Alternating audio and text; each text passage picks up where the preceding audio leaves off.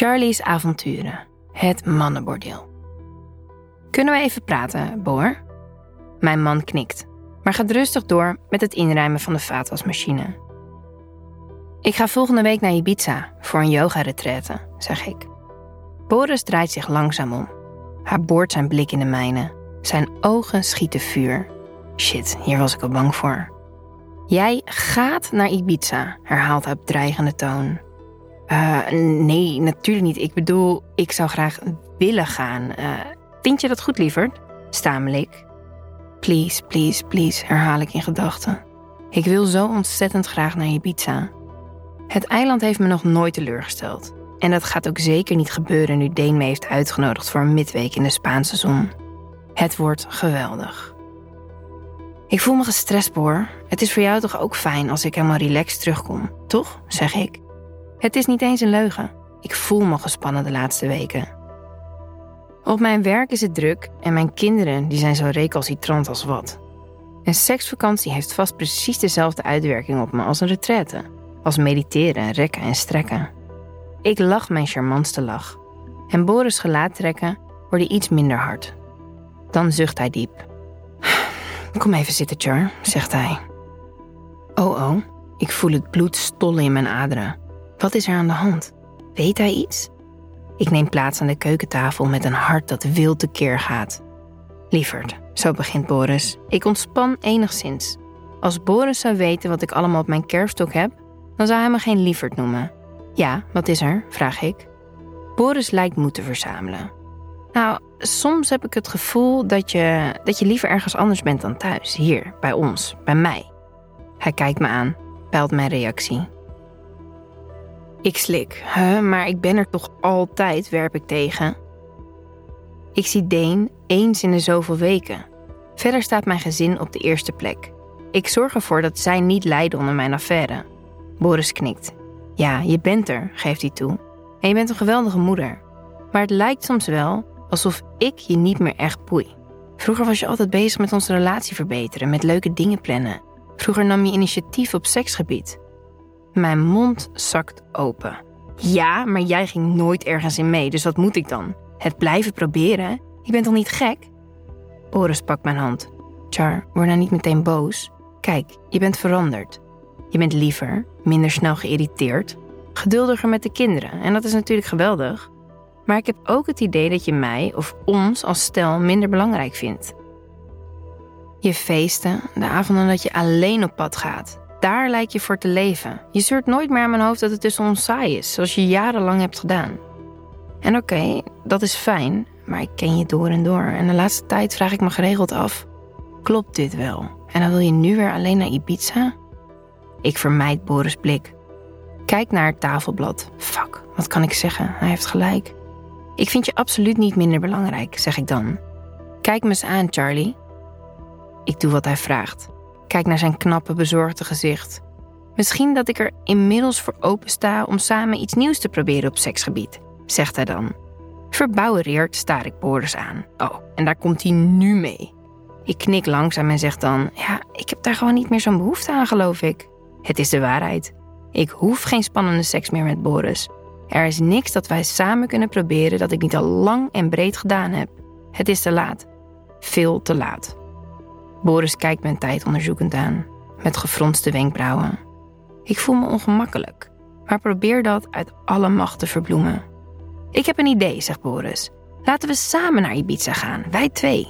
De kids kunnen wel bij mijn ouders logeren. Oh nee, ik kan wel janken. Toch trakteer ik Boris op een grote lach. Ah, wat een goed idee, zeg ik. Het is mijn zoveelste leugen deze avond. Dan sta ik snel op.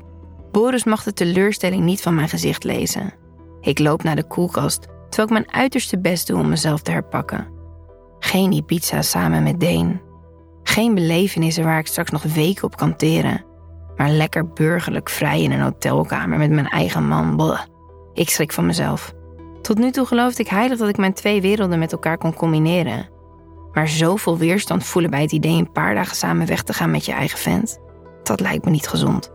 Is dit het begin van het einde? Voel ik niet genoeg meer voor Boris? En voel ik juist te veel voor Deen? Angst bekruipt me. Ik denk aan mijn kinderen en word misselijk.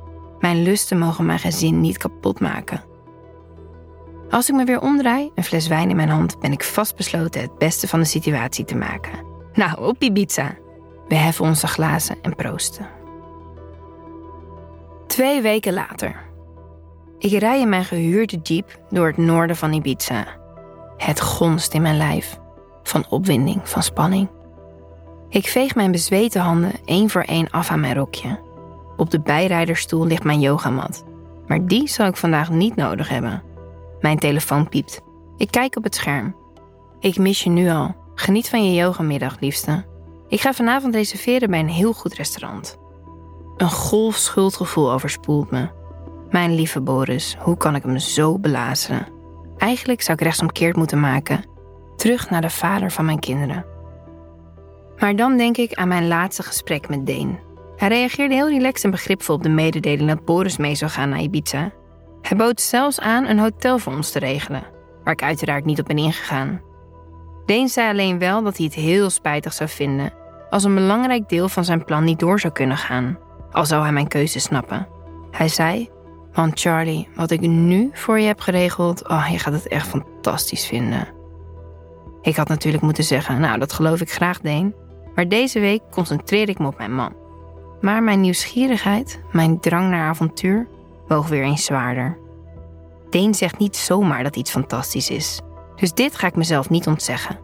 De rest van de tijd zal ik me volledig focussen op mijn man. De rest van de tijd investeer ik in mijn relatie. Nog vijf minuten rijden, dan arriveer ik op mijn bestemming. Ik bel Deen, hij neemt op. Hey Charlie. Oké, Deen, ik ben er bijna, roep ik enthousiast.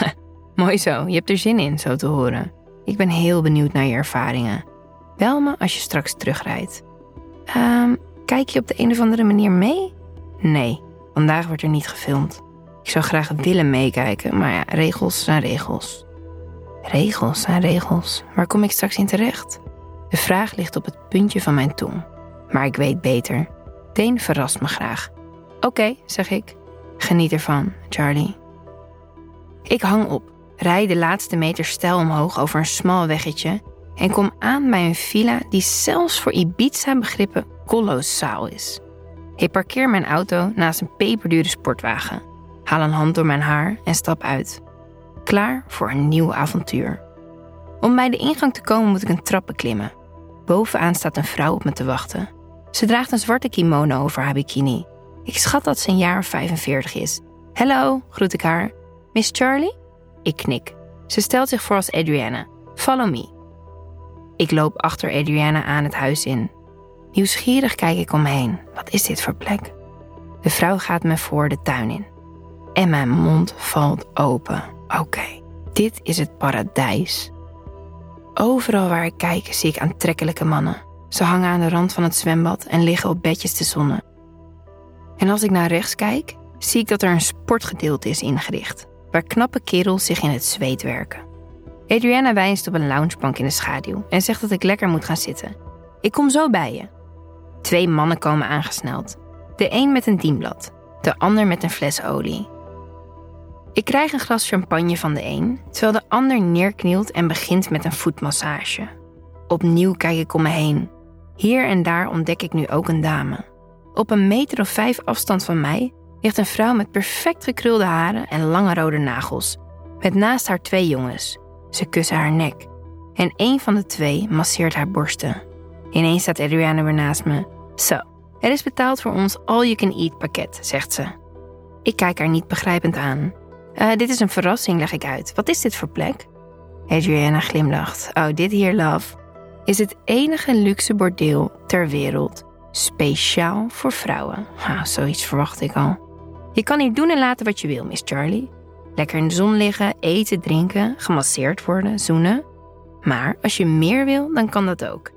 Kies wie je wil, zo vaak je wil. Als je privacy op prijs stelt, dan kunnen mijn jongens je meenemen naar de prachtige vertrekken boven. En ik beloof je, mijn boys zijn spectaculair in bed. Adriana knipoogt. Holy shit, ik heb nooit geweten dat dit soort plekken speciaal voor vrouwen bestaan. Maar blijkbaar is er hier op Ibiza vraag naar. Adriana staat op. Have fun, Charlie. Als ik iets voor je kan doen, let me know. Ik bedank haar, zak onderuit sluit mijn ogen, concentreer me op de kundige handen van de jonge man die mijn voeten masseert. Hoe oud zal hij zijn? 24, schat ik. Maar, jong of niet, hij weet exact wat hij doet. Hij ziet me kijken en staart beide hand terug. Je bent mooi, vleit hij. En ik straal, al zegt hij dat vast tegen alle klanten.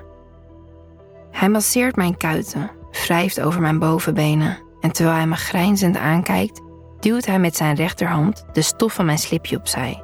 Heel langzaam. Ik bijt op mijn lip. Kan het hier gewoon? In het openbaar? Ik kijk opzij naar mijn buurvrouw. Een van de mannen masseert haar hoofd. De ander is neergeknield tussen haar benen. Zijn hoofd en schouders zijn bedekt door de rok die de vrouw draagt. Maar het is duidelijk wat hij daar uitspookt. Blijkbaar kan hier alles. Ineens kijkt de vrouw mijn kant op. Ik voel me betrapt, maar ze knipoogt. Ik lach terug. Wauw, het is hier geweldig. Op deze plek maken wij dames de dienst uit. De jongen strijkt plagerig, heel zachtjes over mijn vulva-lippen. Ik ril, sluit mijn ogen. Als ik ze weer open, staan er twee nieuwe mannen voor mijn neus. Mogen we meedoen? vraagt één man met een sterk accent. Ik vermoed dat hij Braziliaans is. Hij heeft prachtige hazelnootbruine ogen met lange wimpers. En net als zijn blonde collega een atletisch lijf. Waarschijnlijk kom je hier alleen binnen als je in het bezit bent van een goddelijk lichaam. Ik knik. Dat mag zeker. De Braziliaan pakt mijn rechterhand. Zijn collega neemt mijn bijna lege glas van me aan, zet het op tafel en pakt mijn linkerhand. Op precies hetzelfde moment beginnen ze met masseren. De jonge man tussen mijn benen bevochtigt zijn vingers, duwt mijn slipje opzij en draait langzaam rondjes over mijn clitoris. Dan komt er nog een nieuwe man bij staan. Can I? vraagt hij. Hij is zo knap dat ik hem alleen maar aan kan staren. Zijn zwarte huid glanst, zijn lange dreadlocks zijn goudkleurig. Als ik niks zeg, lacht hij zijn witte tanden bloot en herhaalt zijn vraag. Net op dat moment zet de jongen tussen mijn benen iets meer kracht met zijn vingers. Ik kreun, terwijl ik de man met de dreadlocks aan blijf kijken. Yes, please, zeg ik hees. Hij gaat achter me staan, pakt mijn hoofd vast met zijn sterke handen. Hij laat zijn vingers door mijn haren glijden, masseert mijn hoofdhuid. Dan zoent hij me in mijn nek. Ik draai mijn hoofd naar hem toe, snuif zijn geur op. Onze lippen vinden elkaar en we zoenen terwijl de jongen tussen mijn benen verder gaat met zijn tong. Hij likt een paar keer zachtjes aan mijn clitoris en draait dan een rondje. De Braziliaan en zijn collega strijken over mijn armen naar mijn borsten. Ze glijden in mijn truitje, knijpen zachtjes in mijn tepels. Mijn god, stel je voor dat ik nee had gezegd tegen dit avontuur. Dit is de beste dag uit mijn leven. De man met de dreadlock stopt met zoenen. Hij komt voor me staan, duwt zijn collega opzij en pakt een kussen van de bank waarop hij neerknielt tussen mijn benen. Met een ruk trekt hij mijn slipje uit. My turn, verklaart hij. Hij kust mijn vulva teder, opnieuw en opnieuw. Ik pak hem vast bij zijn haren, duw mijn heupen naar boven. Ik wil meer van hem en snel. Hij snapt de boodschap en drukt zijn zachte tong stevig tegen mijn clitoris. Hij beweegt traag, van links naar rechts. De Braziliaan leunt voorover en kust me. Zijn korte baard schuurt over mijn kin. Een moment lang denk ik aan Boris. Deze sekspartij mag geen sporen achterlaten en dus trek ik me terug. De dreadlockman maakt zijn middel- en wijsvinger nat en laat ze dan bij me naar binnen glijden terwijl hij me blijft likken. Hij voert zijn tempo op. Ik hijg en trek de Braziliaan naar me toe, hongerig. Fuck it, ik moet tongen. Hoe vaak gebeurt het dat je gebeft wordt en tegelijkertijd kan zoenen? Als ik straks een rode kin heb, dan verzin ik wel wat. Daar ben ik goed in geworden de laatste jaren. Ik sluit mijn ogen. Warmte verspreidt zich vanuit mijn kruis door mijn hele lichaam. De blonde man blijft mijn borsten masseren en ik voel mijn tepels hard worden onder zijn aanrakingen. Ik zoen en zoen en dan hap ik naar adem. Ik duw mijn voorhoofd tegen dat van de Braziliaan terwijl ik de dreadlocks stevig vastgrijp met mijn beide handen. Ik heb geen controle meer over de spieren in mijn lichaam. Mijn dijen beginnen te trillen. Mijn ademhaling wordt onregelmatig. En dan volgt de bekende hete, tintelende sensatie. Ik slaak een kreet die overal in de tuin te horen moet zijn. Als de orgasmeroes voorbij is, open ik een beetje gegeneerd mijn ogen, maar gelukkig. Er is niemand die mijn kant op kijkt. Ik schraap mijn keel, ga rechtop zitten, strijk mijn rokje glad en bedank de mannen netjes. Adriana komt naast me staan. Ze overhandigt me een glas water en een cocktail. Ik drink dankbaar. Is alles nog naar wens, Miss Charlie? Het kan niet beter, zeg ik. Wil je anders even samen een rondje lopen? vraagt ze. Dat wil ik zeker. Het orgasme van net diende slechts als opwarmer. Ik ben klaar voor een volgende ronde. Ik geniet van de namiddagzon op mijn huid en van wat ik zie. De ene man is nog mooier dan de andere. Ik weet niet waar ik kijken moet. Toch merk ik dat mijn ogen de ruimte scannen, op zoek naar de man met de dreadlocks. Hij heeft grote indruk op me gemaakt. Hij smaakte naar meer. Ik vraag Adriana naar zijn naam. Jaro, zegt ze. Ze denkt dat hij binnen is. Ze zag hem net lopen. Ze wenkt me en ik loop achter haar aan naar de keuken. En daar zit Jaro, aan de bar. Hij drinkt koffie. Ik knipper met mijn ogen. Even denk ik dat ik dubbel zie. Maar dan zegt Adriana: Dit is Jaro met zijn neef Mosi. Ik slik. Ik wil ze allebei. Maar kan dat wel? Adriana geeft antwoord zonder dat ik er naar vraag. Ze werken graag samen. Jaro slaat zijn koffie achterover en hij pakt mijn hand. Zullen anders naar boven gaan? En uh, vind je het goed als Mosi meegaat? Ik knik schaapachtig. Mosi lacht na me. Hij is iets kleiner dan Jaro, maar verder lijken ze sprekend op elkaar. Hij heeft net als zijn neef heerlijke volle lippen en witte tanden. Ze gaan me voor naar een oogverblindend mooie slaapkamer met uitzicht op de tuin en de zee. Ik kijk even snel op mijn horloge. Ik moet de tijd niet vergeten, dat zou stom zijn. En tot mijn grote spijt zie ik dat ik nog maar een uur heb. Dan moet ik terug naar Boris. Ik heb geen tijd te verliezen. Dus trek ik mijn kleding aan. Ik zet mijn handen tegen de grote ruit. Vanuit de tuin zouden mensen me kunnen zien, maar dat interesseert me niet. Uitdagend kijk ik over mijn schouder. Jaro en Mozi komen achter me staan. Ze kussen mijn hele lijf. Mijn rug, mijn zij, mijn billen. En ik spreid mijn benen. Jaro zoent me in mijn nek. Onze monden vinden elkaar opnieuw. Hij likt aan zijn hand, zoekt en vindt mijn clitoris. Mozi gaat achter me staan. Hij omklemt mijn heupen met zijn beide handen, drukt zijn erectie tegen mijn billen. Dan draai ik me om, zak op mijn knieën. Ik wil ze allebei pijpen, om en om. Ik maak duidelijk dat ze zich moeten uitkleden. Met mijn linkerhand grijp ik Jaro's erectie, met mijn rechterhand die van Mosi. Ik kijk naar ze op en de opwinding giert door mijn lijf. Eerst neem ik Mosi in mijn mond terwijl ik Jaro aftrek. Dan wissel ik. Dit herhaal ik net zo vaak tot Jaro kreunend zegt dat ik moet stoppen. Hij trekt me omhoog, tilt me op en gooit me op mijn rug op het grote bed. Razendsnel doet Jaro een condoom op en dan dringt hij bij me binnen, terwijl Mozi naast me komt liggen. Hij streelt mijn borsten en mijn buik. Hij draait rondjes over mijn clitoris, terwijl Jaro steeds krachtiger stoot. Mijn hart raast. In mijn hoofd duizelt het. Mozi en ik kussen. Even sluit ik mijn ogen.